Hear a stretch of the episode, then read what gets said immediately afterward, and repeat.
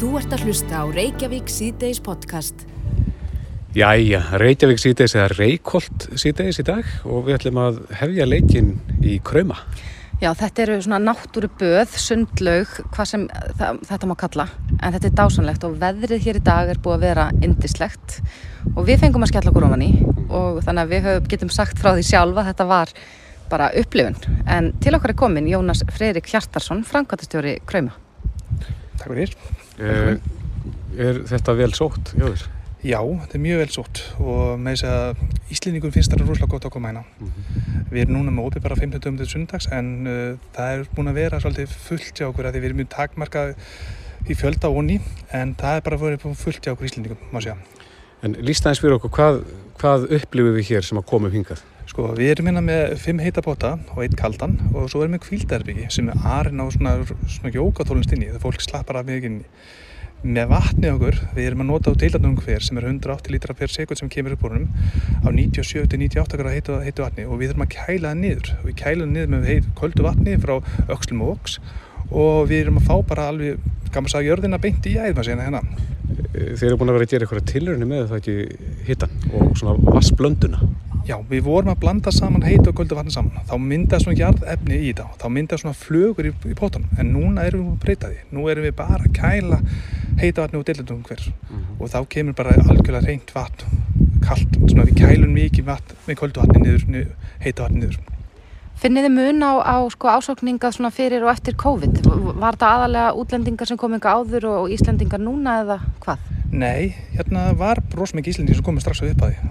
Við vorum með mikið útlendingum á virkundum og með helgarum í Íslendingum. Og það var bara aðsmunning, bara byrjaði strax á opnum, gekk bara rosa vel. Já, við allavega vitum það að Íslendingar eru sjúkir að baða sig út í náttúrunni þannig að þetta er engin undantekning. En flokkið þetta sem einhvers konar jarðböð eða, eða, eða hvað?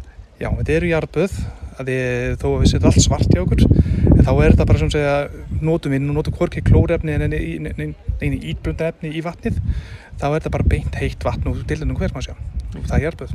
Hvernig hefur ásóknir verið núna í þessu ástandi? Mjög vel, miðað við opið, við fengum á opið, það bara gekk rosa vel og við erum bara mjög ánað. Íslendinga náttúrulega meira luta? Já, en það samt eru slatta útlendingi sem er að koma hérna. Maður veit hvort, hvort þessi útlendingi sem búa í Íslandi eða ekki, en það er slatta útlendingi hérna.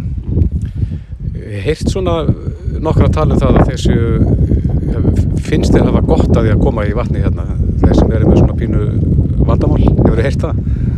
Já, þeir sem hafa með svona eitthvað svona húsjútum eitthvað leysa, þeir líður rosa vilina, en ég hef enga svona lækna svona yngir sem getur sagt staðfesta en þetta er bara heitt vatn og dillandum hver og það er rosa gott fyrir húðuna. Býrð þú inn á svæðinu, Jónas? Nei, ég býr að hafnafri og ég er hafri og ekta gablari.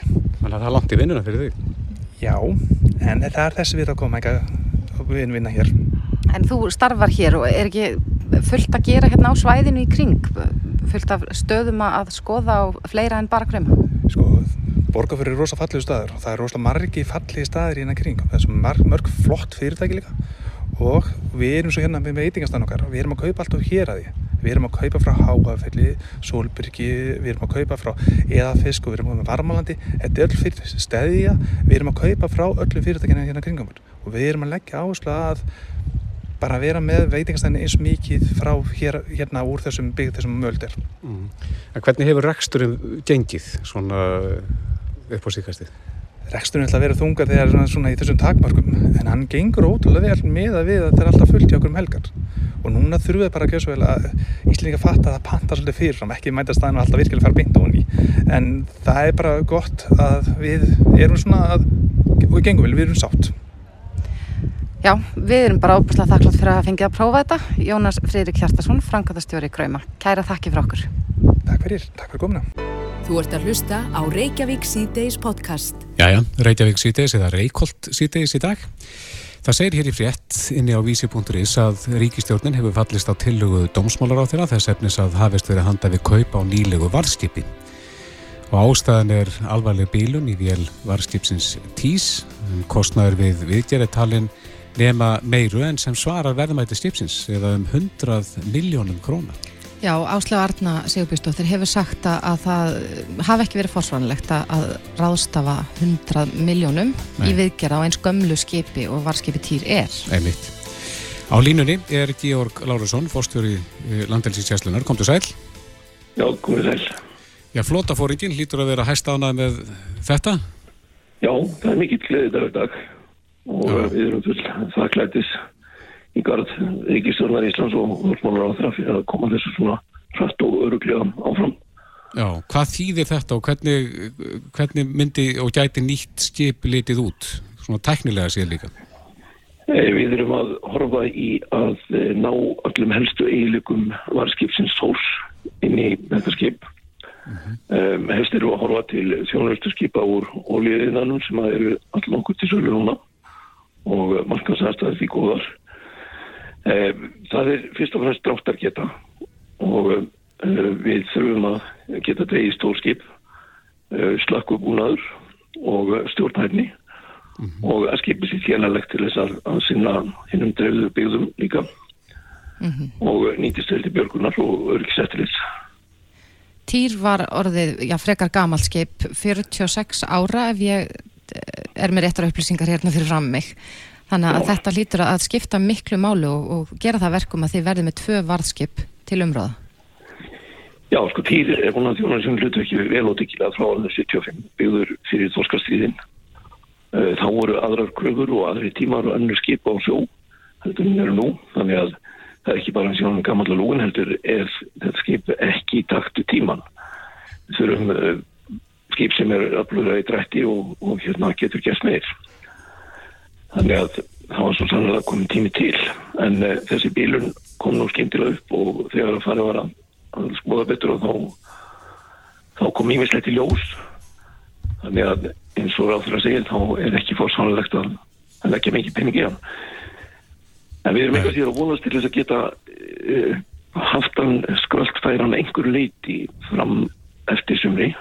Mm -hmm en það er aðvarvingt að, að ná þessu skipi fyrir veturinn að, að hinga komi að blótt skip að hann að finna vetur að Já, við hefum hert líka í fréttum og sérstaklega það sem að veður eru válind og, og ramagn hefur dóttið að bæjarfélögum að þar hafa varskipin komið til sögu og uh, framleitt ramagn uh, er gert ráð fyrir því að nýja skipi muni geta það? Eh, við vonumst eftir því en nú er þetta alveg á, á fyrstu metrónum þannig að það er kannski ekki að fullið að, að svo verði en, en við munum að sjálfsögur reyna að ná því inn. Skipið mun allum líkit heita Freyja, mjög fallegt nafn, en hvenar munum við sjá Freyju hér á landi? Við stefnum á að, að Freyja geti silt hér inn í höfnina um, stemmahaust, allavega áðurna fyrir að veitra alvarlega. Þannig við erum svona stefn á, á september síðastu verið. Já. Það fylgir þetta fyrir... Vestnæði sjóin og svo framins. Já, það eins og Þórti sagði þetta nána, þá hefur nafni Freyja verið nefnt og dómsmálar á þeirra stingur upp á því nafni. Hvernig líst þér á nafnið? Já, okkur líst alveg mjög vel á þetta nafn. Þetta skip kemur svona úr annari átteldur en skipnandiskeslun hafa gert hinga til þau hafa nú verið sérsmíðað fyrir gæsluna. Mm -hmm. En uh, þetta kemur svona bara úr hillunni. Þannig að það er mjög veldi fundið að, að að það hafi þá um, aðra nálgun í nafni og, og uh, að fá hvern, hvern kynstnafn er, er, er líka mjög mikilvægt og, og, og tíman á tókn og hefðilegt á allan hátt og fyrir þetta er þetta mjög vald að passa inn í okkar, okkar hérna, mönstur að nýta góða þæðina. Mm -hmm. Nú hefur mikið verið í fréttum undarfartan daga mögulegt eldgós á Reykjanesi og Já, það þekkist að eh, flugvél landhelgiskeslunar TFCF hafi verið kölluð heim vegna eldsumbróta. Ser þið fyrir að það verði gert núna? Já, ef að eh, þetta þróast í þá átt að, að menn telli þar því þá verður það gert. Við erum með fyrirvaru í okkar samningum um að, að geta að fengja það heim ef að bíknarnu sem verð til mm. og uh, við erum alveg alveg alvöld með það. Þannig að hún getur komið í raun hvernig sem menn telli að þróa á. Já, í hvaða verkefni hendar hún eh, svona þegar það kemur að þessum málum? Hún er búinn uh, myndavilakerfum og ratarkerfum og þannig fyrst og næst ratarkerfum sem að geta geta mælt og tekið myndir af, af hreyfingum á jórnskorpunni og uh, uh, sérfængar hafa vísað til gerfináttamynda sem hafa verið grundaldur atrið í þessum rannsóknum þeirra. Uh, þetta er ekki óseipa. En er ekki bagalegt, ráðum er að sjálf hvað hún er og hvernar. já, en er ekki svolítið bagalegt að, að þurfa að leia tætja búinaðin út svona til þess að reyna að hala upp í tekjurnar? Jú, það getur verið það í, í sumum tilfellum en um, á móti kemur að uh, við öðrunst uh, góða reynslu og við erum að þetta er framlega Íslands til Frontex samstafsins sameigilega landamæragjæslu singen samstafsins uh, þannig að uh, þetta er uh, alls ekki allslæmt fyrir utan þetta uh, hjálpar okkur með ekstra á flugulni en það væri þetta betra ef mögulegt er að hafa hana með hér heima Já. Hvar er hún stödd núna? Nú erum stödd á Sikilei, Katania á Sikilei og, og verður þar næstu vikurnar. Já, akkurat. Georg Lárusson, þetta er eins og segir, þetta eru gleði tíðindi og hérna og, og vantarlega von á skipinu fyrir en síðar. Ég segi bara kæra þakkir fyrir spjallið og, og, og til hamingju með þetta. Kæra þakki fyrir það. Þetta er mikill gleðið afur. Hlustaðu hvena sem er á Reykjavík C-Days podcast. Jæja, Reykjavík síðdeis, við erum að reyna að ná í prófessorinn í jarðvísindum. Akkurat, hann Þorvald Þórðarsson. En mér skilst það hans ég komin á línuna.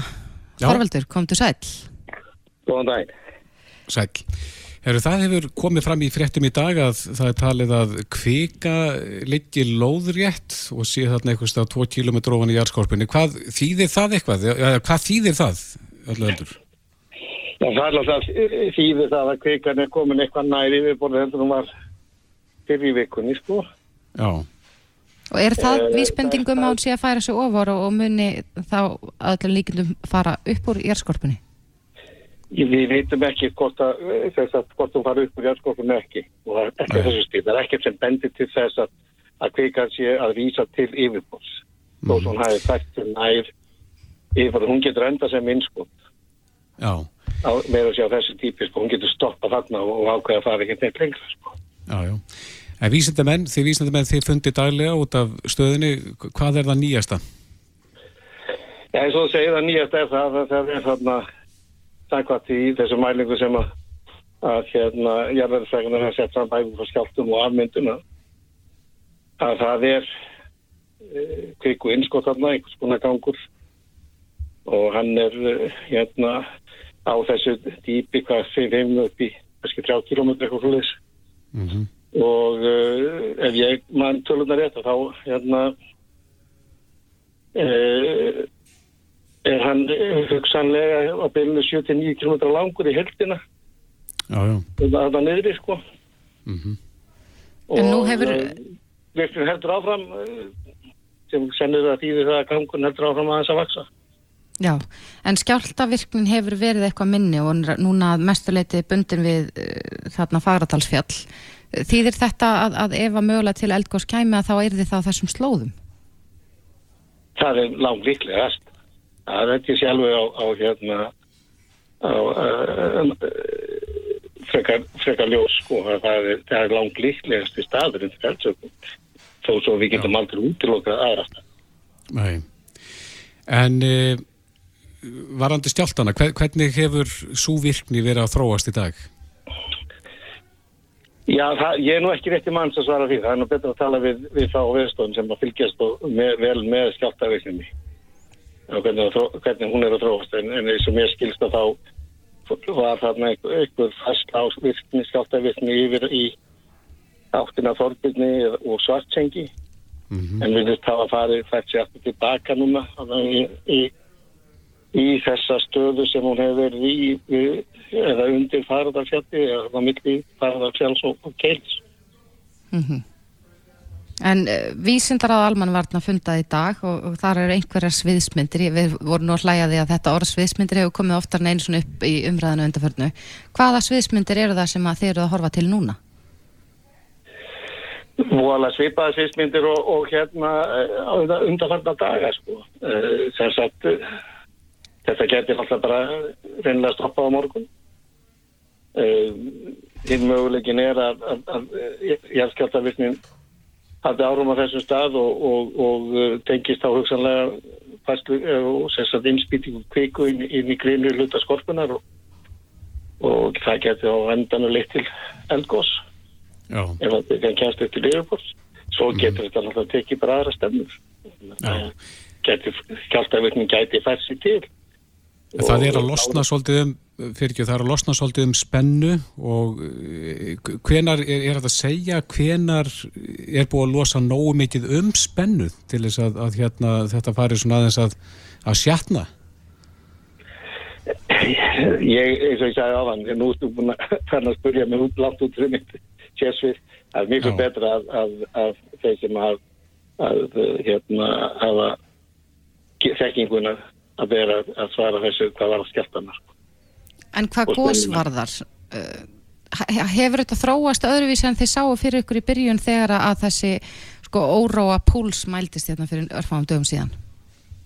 í upphafi þess að finnum þá var ekki sem bendi til þess að, að, að kvika væri í tengslum við þetta þó, þó það var ekki hægt að útiloka uh, þá tólkun og, en síðan hefur nú komið svona staðfesting á því að, að kvika er, er hérna komin inn í grindri hlutaskorpunar þegar hennar stökka hlutaskorpunar sem, að- að- sem skjáltarnir myndast og, og hérna er, hefur verið að færa sig aðeins til það og þetta er náttúrulega er eh, kannski áframhald af því sem var að gerast í fyrra en, en, en, svona verðist íta frekar undir þá tilfinningu að, að uh, við erum komin inn í það sé svona nýtt óróa tímabil á Reykjaneskaganum uh, svona svipa því tímabili sem, að, sem að forfeður okkar upplýði hérna uh, skömmur til landnám og, og, og fram á 13. öld. Já, þannig að það geti varað í tölvuna tíma. Já, ég held að það geti varað sko eða svona ó, óróa hreina, hún, hún virðist geta varað í, nokkur hundru ár og Já. virðist einkennast af svona kannski þjættari sínum þar sem að, að við erum með sirpu af gósum yfir svona 20-30 ára tímabil. Það er náttúrulega ekki kannski virkni allan tíman en þetta kemur svona í finnum og síðan kemur pása í eitthvað tíma, eitthvað ára tíu og svo tekur þetta þessu upp aftur. Eh, kannski pása sér lengri heldur en, heldur en, heldur en hérna hreinurnar, óróa hreinurnar sjálfa sko sem að þá náttúrulega eru bæði með gós og skjálta. Þannig að Já. við grunnar allavega að við séum komin inn í svona hreinu og, og, og uh, í framtíðinu megum þá búast við svona viðbyrðum oftar en, en, en höfum hérna verið hefur sko. En svona óróa tímabil eða svona óróa hrinur, fylgir þessu alltaf eldgós? Það verðist vera, já. Við, er, sko, vittnesburðurinn um svona óróa hrinur í, í allsögunni, eða semst út í mörkinni, það eru gósminjar. Það er ekki, við höfum engar upplýsingar um skjálta frá þessum tím, beinar upplýsingar um skjálta frá þessum tím, þó svo að við sjáum misgengi og annað sem að, að bendast eftir að skjáltar hafi tekið allt sér stað Já, við vitum ekki tímasetningun á þeim eða, eða hversu margir voru og, eða, eða hvort þetta var fein eða bara eitt stór skjálti en það sem við höfum skráð í, í jæðsöguna er sem, sem vitnisbörð um svona finnur það eru gós myndanina það eru fröynin og gígarnir og gósprunguna og uh, það er raun og það sem er, er að, að, að undirbyggja þessa þekkingu sem við telum okkur hafa á þessum óró eða þessari vissni sem að, að við erum kannski sjá upphafa núna á, á Reykjanesta. já, það er svona áþreifanlegt. Það, já, já, það er það Já. og, og, og uh, þessi, þessi vittnesbörður er, er, er skráður endalega í ver- verður til svo lengi sem að, sem að Bergi og Reykjanesi er til. Akkurat. Eh, Setjum punktin hérna, Þorvaldur Þorðarsson, prófessor í eldfjallafræðum. Kæra þakki fyrir þetta og góða helgi. Já, takk fyrir þetta, já, og góða helgi. Reykjavík síðdeis á bylgjunni. Það er eins og við komum inn á í dag. Þetta er Reykjolt síðdeis í dag. Já, og við erum stött hérna á Foss Hotel Reykjóldi sem er glæsilegt hótel og við reyndar okkur brá aðeins í brúni gerð þegar við letum út úr gluggan og á svefnherbyrgjum okkar og þar er uh, kirkjugarður, vegna þess að þetta eru, þetta, það eru kirkjur hérna fyrir utan og snorrastofa og fleira því um líkt. Mm -hmm. Já, en þetta voru stiltir og góði nágrannar í nótt, þannig að ekki hægt að kvartu við því. En e, við erum komin í gott yfirleitt og höfum verið hérna síðasta sólarengin. Hérna hjá okkur er Guðni Ester Aðalsteinsdóttir, hótelstýra hér á, á Fosshotel Reykjóldi. E, það hafa verið mikla endurbætur hér á hótelin, ekki satt? Jú, við hérna fyrir svona fjórum árum þá var mörg gamle herbyggin sem við kallum tekinni í gegn hérna og allt endurbætt og í síðasta sumar þá opnum við sprungun í Álmu sem er alveg ný bygging og þar eru 28 ný herbyggi og svo núna bara fyrir þrem vikum opnum við stóra heilsulind eða spa eins og við þekkjum kannski ekki betur og hún er hérna á jarðæðinni okkur og hún er 350 fermetrar og við erum ákæflega stolt af þessum nýju þáttum. Já, þið hafið stækkað hóteli mikið eins og sé 28 ný herbergi. Er eftirspurnin það mikil að, að herbergin fyllast fljótt? Já, það er mjög mikið að gera hjá okkur. Við erum bara með fullt hótel að helga núna og sömari lítur mjög vel út og það er nógu eftirspurnin. Hvernig var síðasta sömar? Síðasta sömar var mjög gott og þá hérna fengum mikið náttúrulega af íslensku gestum sem er óvinnilegt. Venjulega þegar ekki er COVID þá erum við með yfir 90% erlenda gesti en síðasta suma var öðruðs að því leiti að það voru næri engöngu íslenski gestir og þannig hefur það líka verið í vetur. Er eitthvað tilfinning svo að Íslandingar séu svona að uppgöta reykholt að einhver leiti? Já, okkur finnst það. Ég, ég heyri mjög marga gesti tala um það að þeir hafi kannski ekki vita almeinlega um reykholt, er að koma einhver fyrsta sinn og við erum að koma mjög skemmtilega óvart. Fólki líkar ákaflega vel við umhverfið hérna sem er alveg óbáslega fallegt og vel hérna hýrst allt hérna og vel mert hérna allt svæðið. Það er mjög gaman að fara í göngutúra henni hérna kring og það er mjög mikil gróðurina sem fólk kann að metta og ég heyri það og svo er mikið að koma fólkinga líka til okkar samt sem hefur líka verið í skóla hérna í gamla daga og er að koma á svona gamlar slóðir og finnst það stundum alla þekka sig hérna því að breytingin er mikil en er ágala ánætt með að koma og sjá hvað við höfum gert hérna. Er þetta gömul heimavist? Já, þetta er gömul heimavist og barnaskólinn gamle er hérna úti og það, var, það hús er teiknað af Guðjóni Samúlsinni sem og prestsetir sem er hérna úti og við erum á óbásla áhugaverðin söguslóðum sem að hefur mikið að segja fyrir okkur hér og, mjög, og við erum mjög stolt af því að vera staðsett hér. Ef að þú ætti nú að setja saman smá program fyrir gest sem allar að koma, skoða eitthvað einnig kring, hvernig lítist út að skráð? Sko fyrsta lagi myndi ég ráðleika fólki að lappa henni kring og skoða hérna sögurslóðun akkurat sem við erum hérna á. Eins og ég sagði að það er allt mjög vel mert hérna og það er skiltin, upplýsingarskilt út um allt. Við aðstofum líka fólk, við erum með kort hérna og sína svona það markhesta sem er hérna í göngufæri. Svo er deildatungu hver hérna mjög stutt frá það sem er kraumar. Og svo er stutt að fara í Raunfossa og Barnafoss og Víðgelmir hérna, sem er mjög stór raunhellir. Mm -hmm. Og svo er önnu perla hérna sem kannski mjög margi vit ekki um sem heitir Rauðskil það er mjög fallegu staður og fallegt að skoða þar og í rauðskili eru fjóri fossa sem hættir að skoða. Ja, þetta hljómar er svo náttúruparadís og við erum búin að vera hér í góði yfirleitur um búin að taka út helsulindina og getum svo sannlega mælt með henni. Mm -hmm. Þið buðuð upp á hunda, það er að fólk er komið hunda síðasta sumar, ætlaði að halda því áfram? Já, við höldum því áfram og það verður þannig á öllum okkar hótelum í keðinu, það er 17 hótel sem að Íslands hótel reyka. Kom það vel út? það kom mjög vel út og fólki sem hefur komið hundana sín er alveg ákvæmlega þakklátt og það er bara mjög gaman að fá að hunda líka í heimsókn. Hafa borist einhverja kvartanir út af hundum út af því við, maður hefur heirt sko umræðinu í samfélaginu og hundar með ekki komið í strætór, margir með ofnæmi og fleira þýmlikt.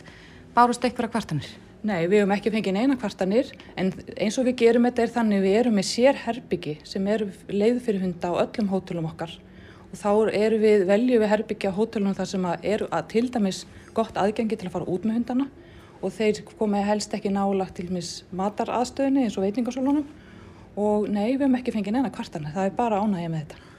Guðni Ester Alsteinsdóttir, hótelstjóri, kæra þakki fyrir okkur. Takk fyrir. Þetta er Reykjavík C-Days podcast.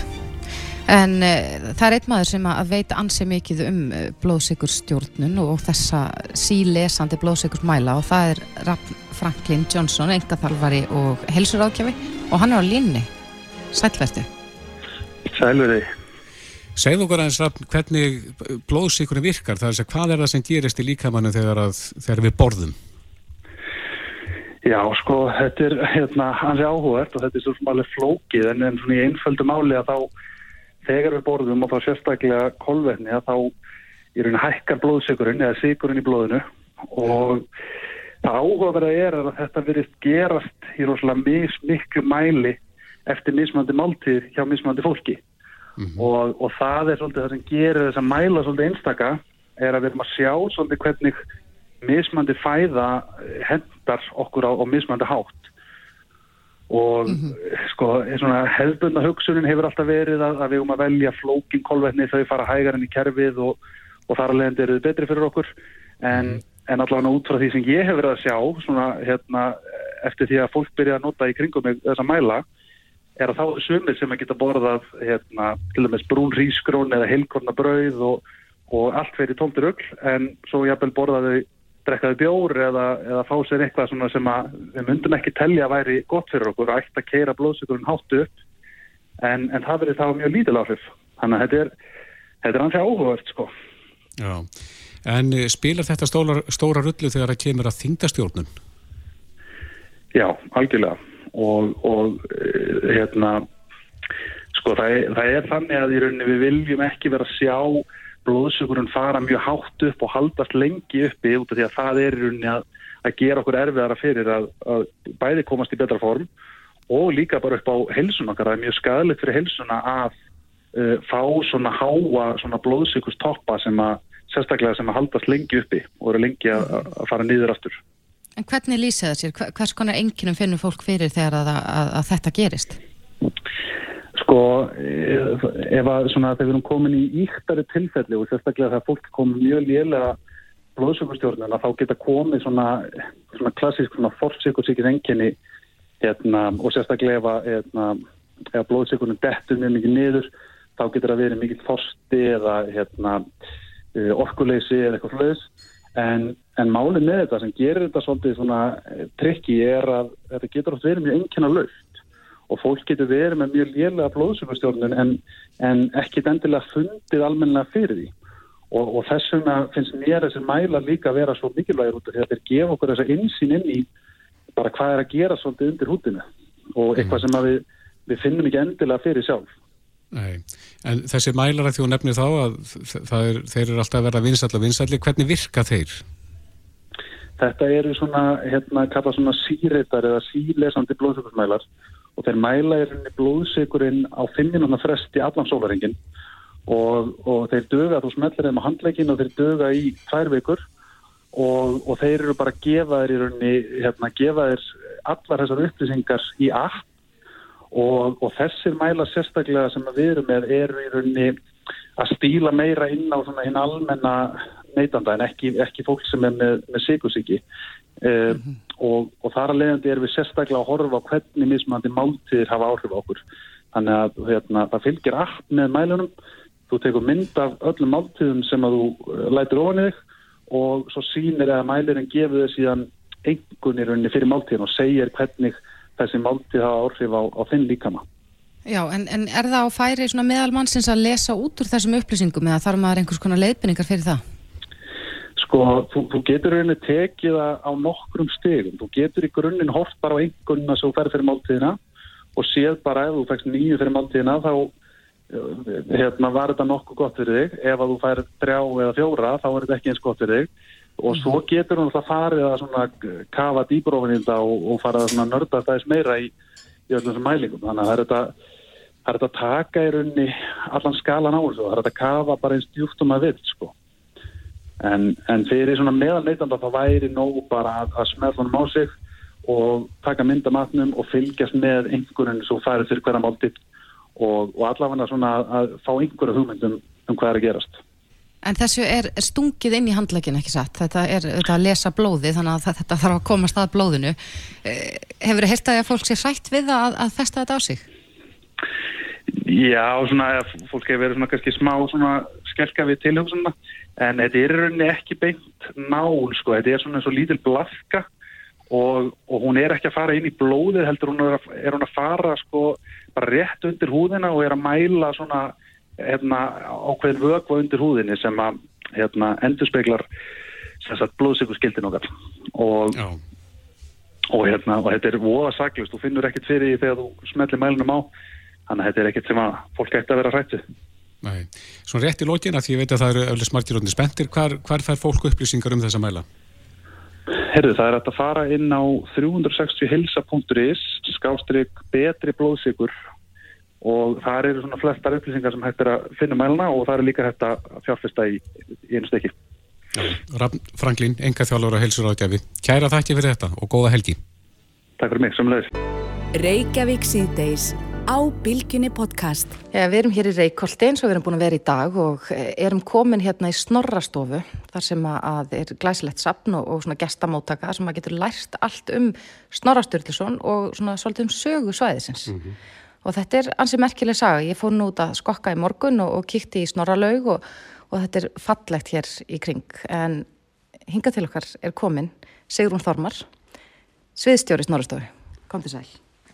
Blessu og sæl, velkomin. Já, takk fyrir það. Við erum hérna stödd í, er þetta ekki gestamóttakan í Snorastofu? Jú, gestamóttakan og, og síning, síning sem við bjóðum upp á fyrir, fyrir gesti, já. Mm. Og hér er náttúrulega aðalstjarnan, það er Snorri sjálfur, Sturluson og uh, við sjáum hérna mynd af honum þar sem hann sittur við skriftir. Þetta var uppáhaldið hans að skrifa. Uh, vitum við eitthvað hvernig hann leitt út? Um, nei, við vitum það ekki. Það sem að það er nú, ég vildi ekki sagt mikið frá því hvernig menn lit út á þessum tímum nema ef þið voru sérstaklega mikið glæsimenni eða einstaklega ljótir. Mm -hmm. Getum tekið sem dæmi Egil Skallagrimsson sem er nefnt í Egilsögu, hann hafði nú ekkert verið sérstaklega fallegur og, og við getum tekið annað dæmi um glæsimenni, það var Sturla Sigurkvats. En uh, það er ekki talað um snorra, þannig að líklega hefur hann verið meðalmaður að hæð og, og þeim tíma þá svona kannski kringum 1.70 Um, minn snorri, ég sé hann svona fyrir mér sem uh, þegar hann er án eldri svona kringur 60 hann hann nú verið svona konið smá yfirvikt þar sem hann var nú ekki mikla líkamlega vinnu. Og flestir íslensi kallmenn þeir sapna nú svona smá ístru á efri árum, líklega hefur hann gert það. Og ég sé hann líka fyrir mér sem uh, svona búin að missa aðeins hárið uh, eins og flestir íslensi kallmenn gera. Mm -hmm. og ég sé hann líka fyrir mér sem með skegg. Af því á þeim tímum þá var hann alltaf einstaklega óæðilegt ef menn voru ekki með skegg Já. En segðu okkur aðeins, það er náttúrulega heilmikil saga hérna á þessu svæði. Segðu okkur svona aðeins, hva, hvað er helst að finna hérna svona sögutengt? Oh, sögutengt á svæðinu, já, það er náttúrulega ef það snorri bjóð hér, en hvað mm. áttu svona sérstak, sérstaklega við? Já, svona snorra laugin er náttúrulega hérna, kannski er það mesta aðráttaraflið á þessu svæði? Já, já, snorralögin er náttúrulega mesta aðdráttaraflið og svo er uh, náttúrulega göngin sem eru við snorralög uh, sem er um, sko fyrir fremri hlutur þeirra gangna mm -hmm. fannst rétt fyrir 1940 bara eiginlega fyrir hálgjara slisni þar sem var, var verið að byggja íþróttahús við gamla héraskólan. Um, það var þannig að þeirra Guðjón Samuelsson hann, hann um, teiknaði gamla hér á skólan og þá glemdan búningsaðstöðu og styrtu fyrir sundlegina þannig að það þurfti að byggja það setna og það var gert beint ofan þessum göngum. Og þá finna mann þessi göng og síðan þegar það er eh, fordlega uppgröftur hinn hérna í Reykjóldi sem stóð á í, í tíu sömur frá 98 til 2007 þá finna menn hinn hluta gánana og það, þar finna menn líka steintröppur sem að semst, fóru tvo metra niður í jörðina og, og þá semst, passaði, passuðu göngin saman. Þetta eru göng sem eru um 30 metra laung og eru beint semst, út í laugina og það er eftir talið að þetta hafi verið frá eh, húsi Snorra. Hann hafi búið í þessu, þessu húsi og þar hafa hann getað eh, farið uh, sett eitthvað yfir sig og, og, og farið út í laugina og svona köldum íslensku vetramotni og skroppið hans í heitapottin. Þannig að hann hefur eh, líklegast verið svona svolítið luxusmaður, ekki alltaf að vera að lappa úti þess að 30 metra að lauginu sinni. En ég tók eftir því að það er búið að gera laugina upp. Þetta, er, þetta lítur voðalega fallega út en þetta hefur líklegast ekki litið svona út uh, þá.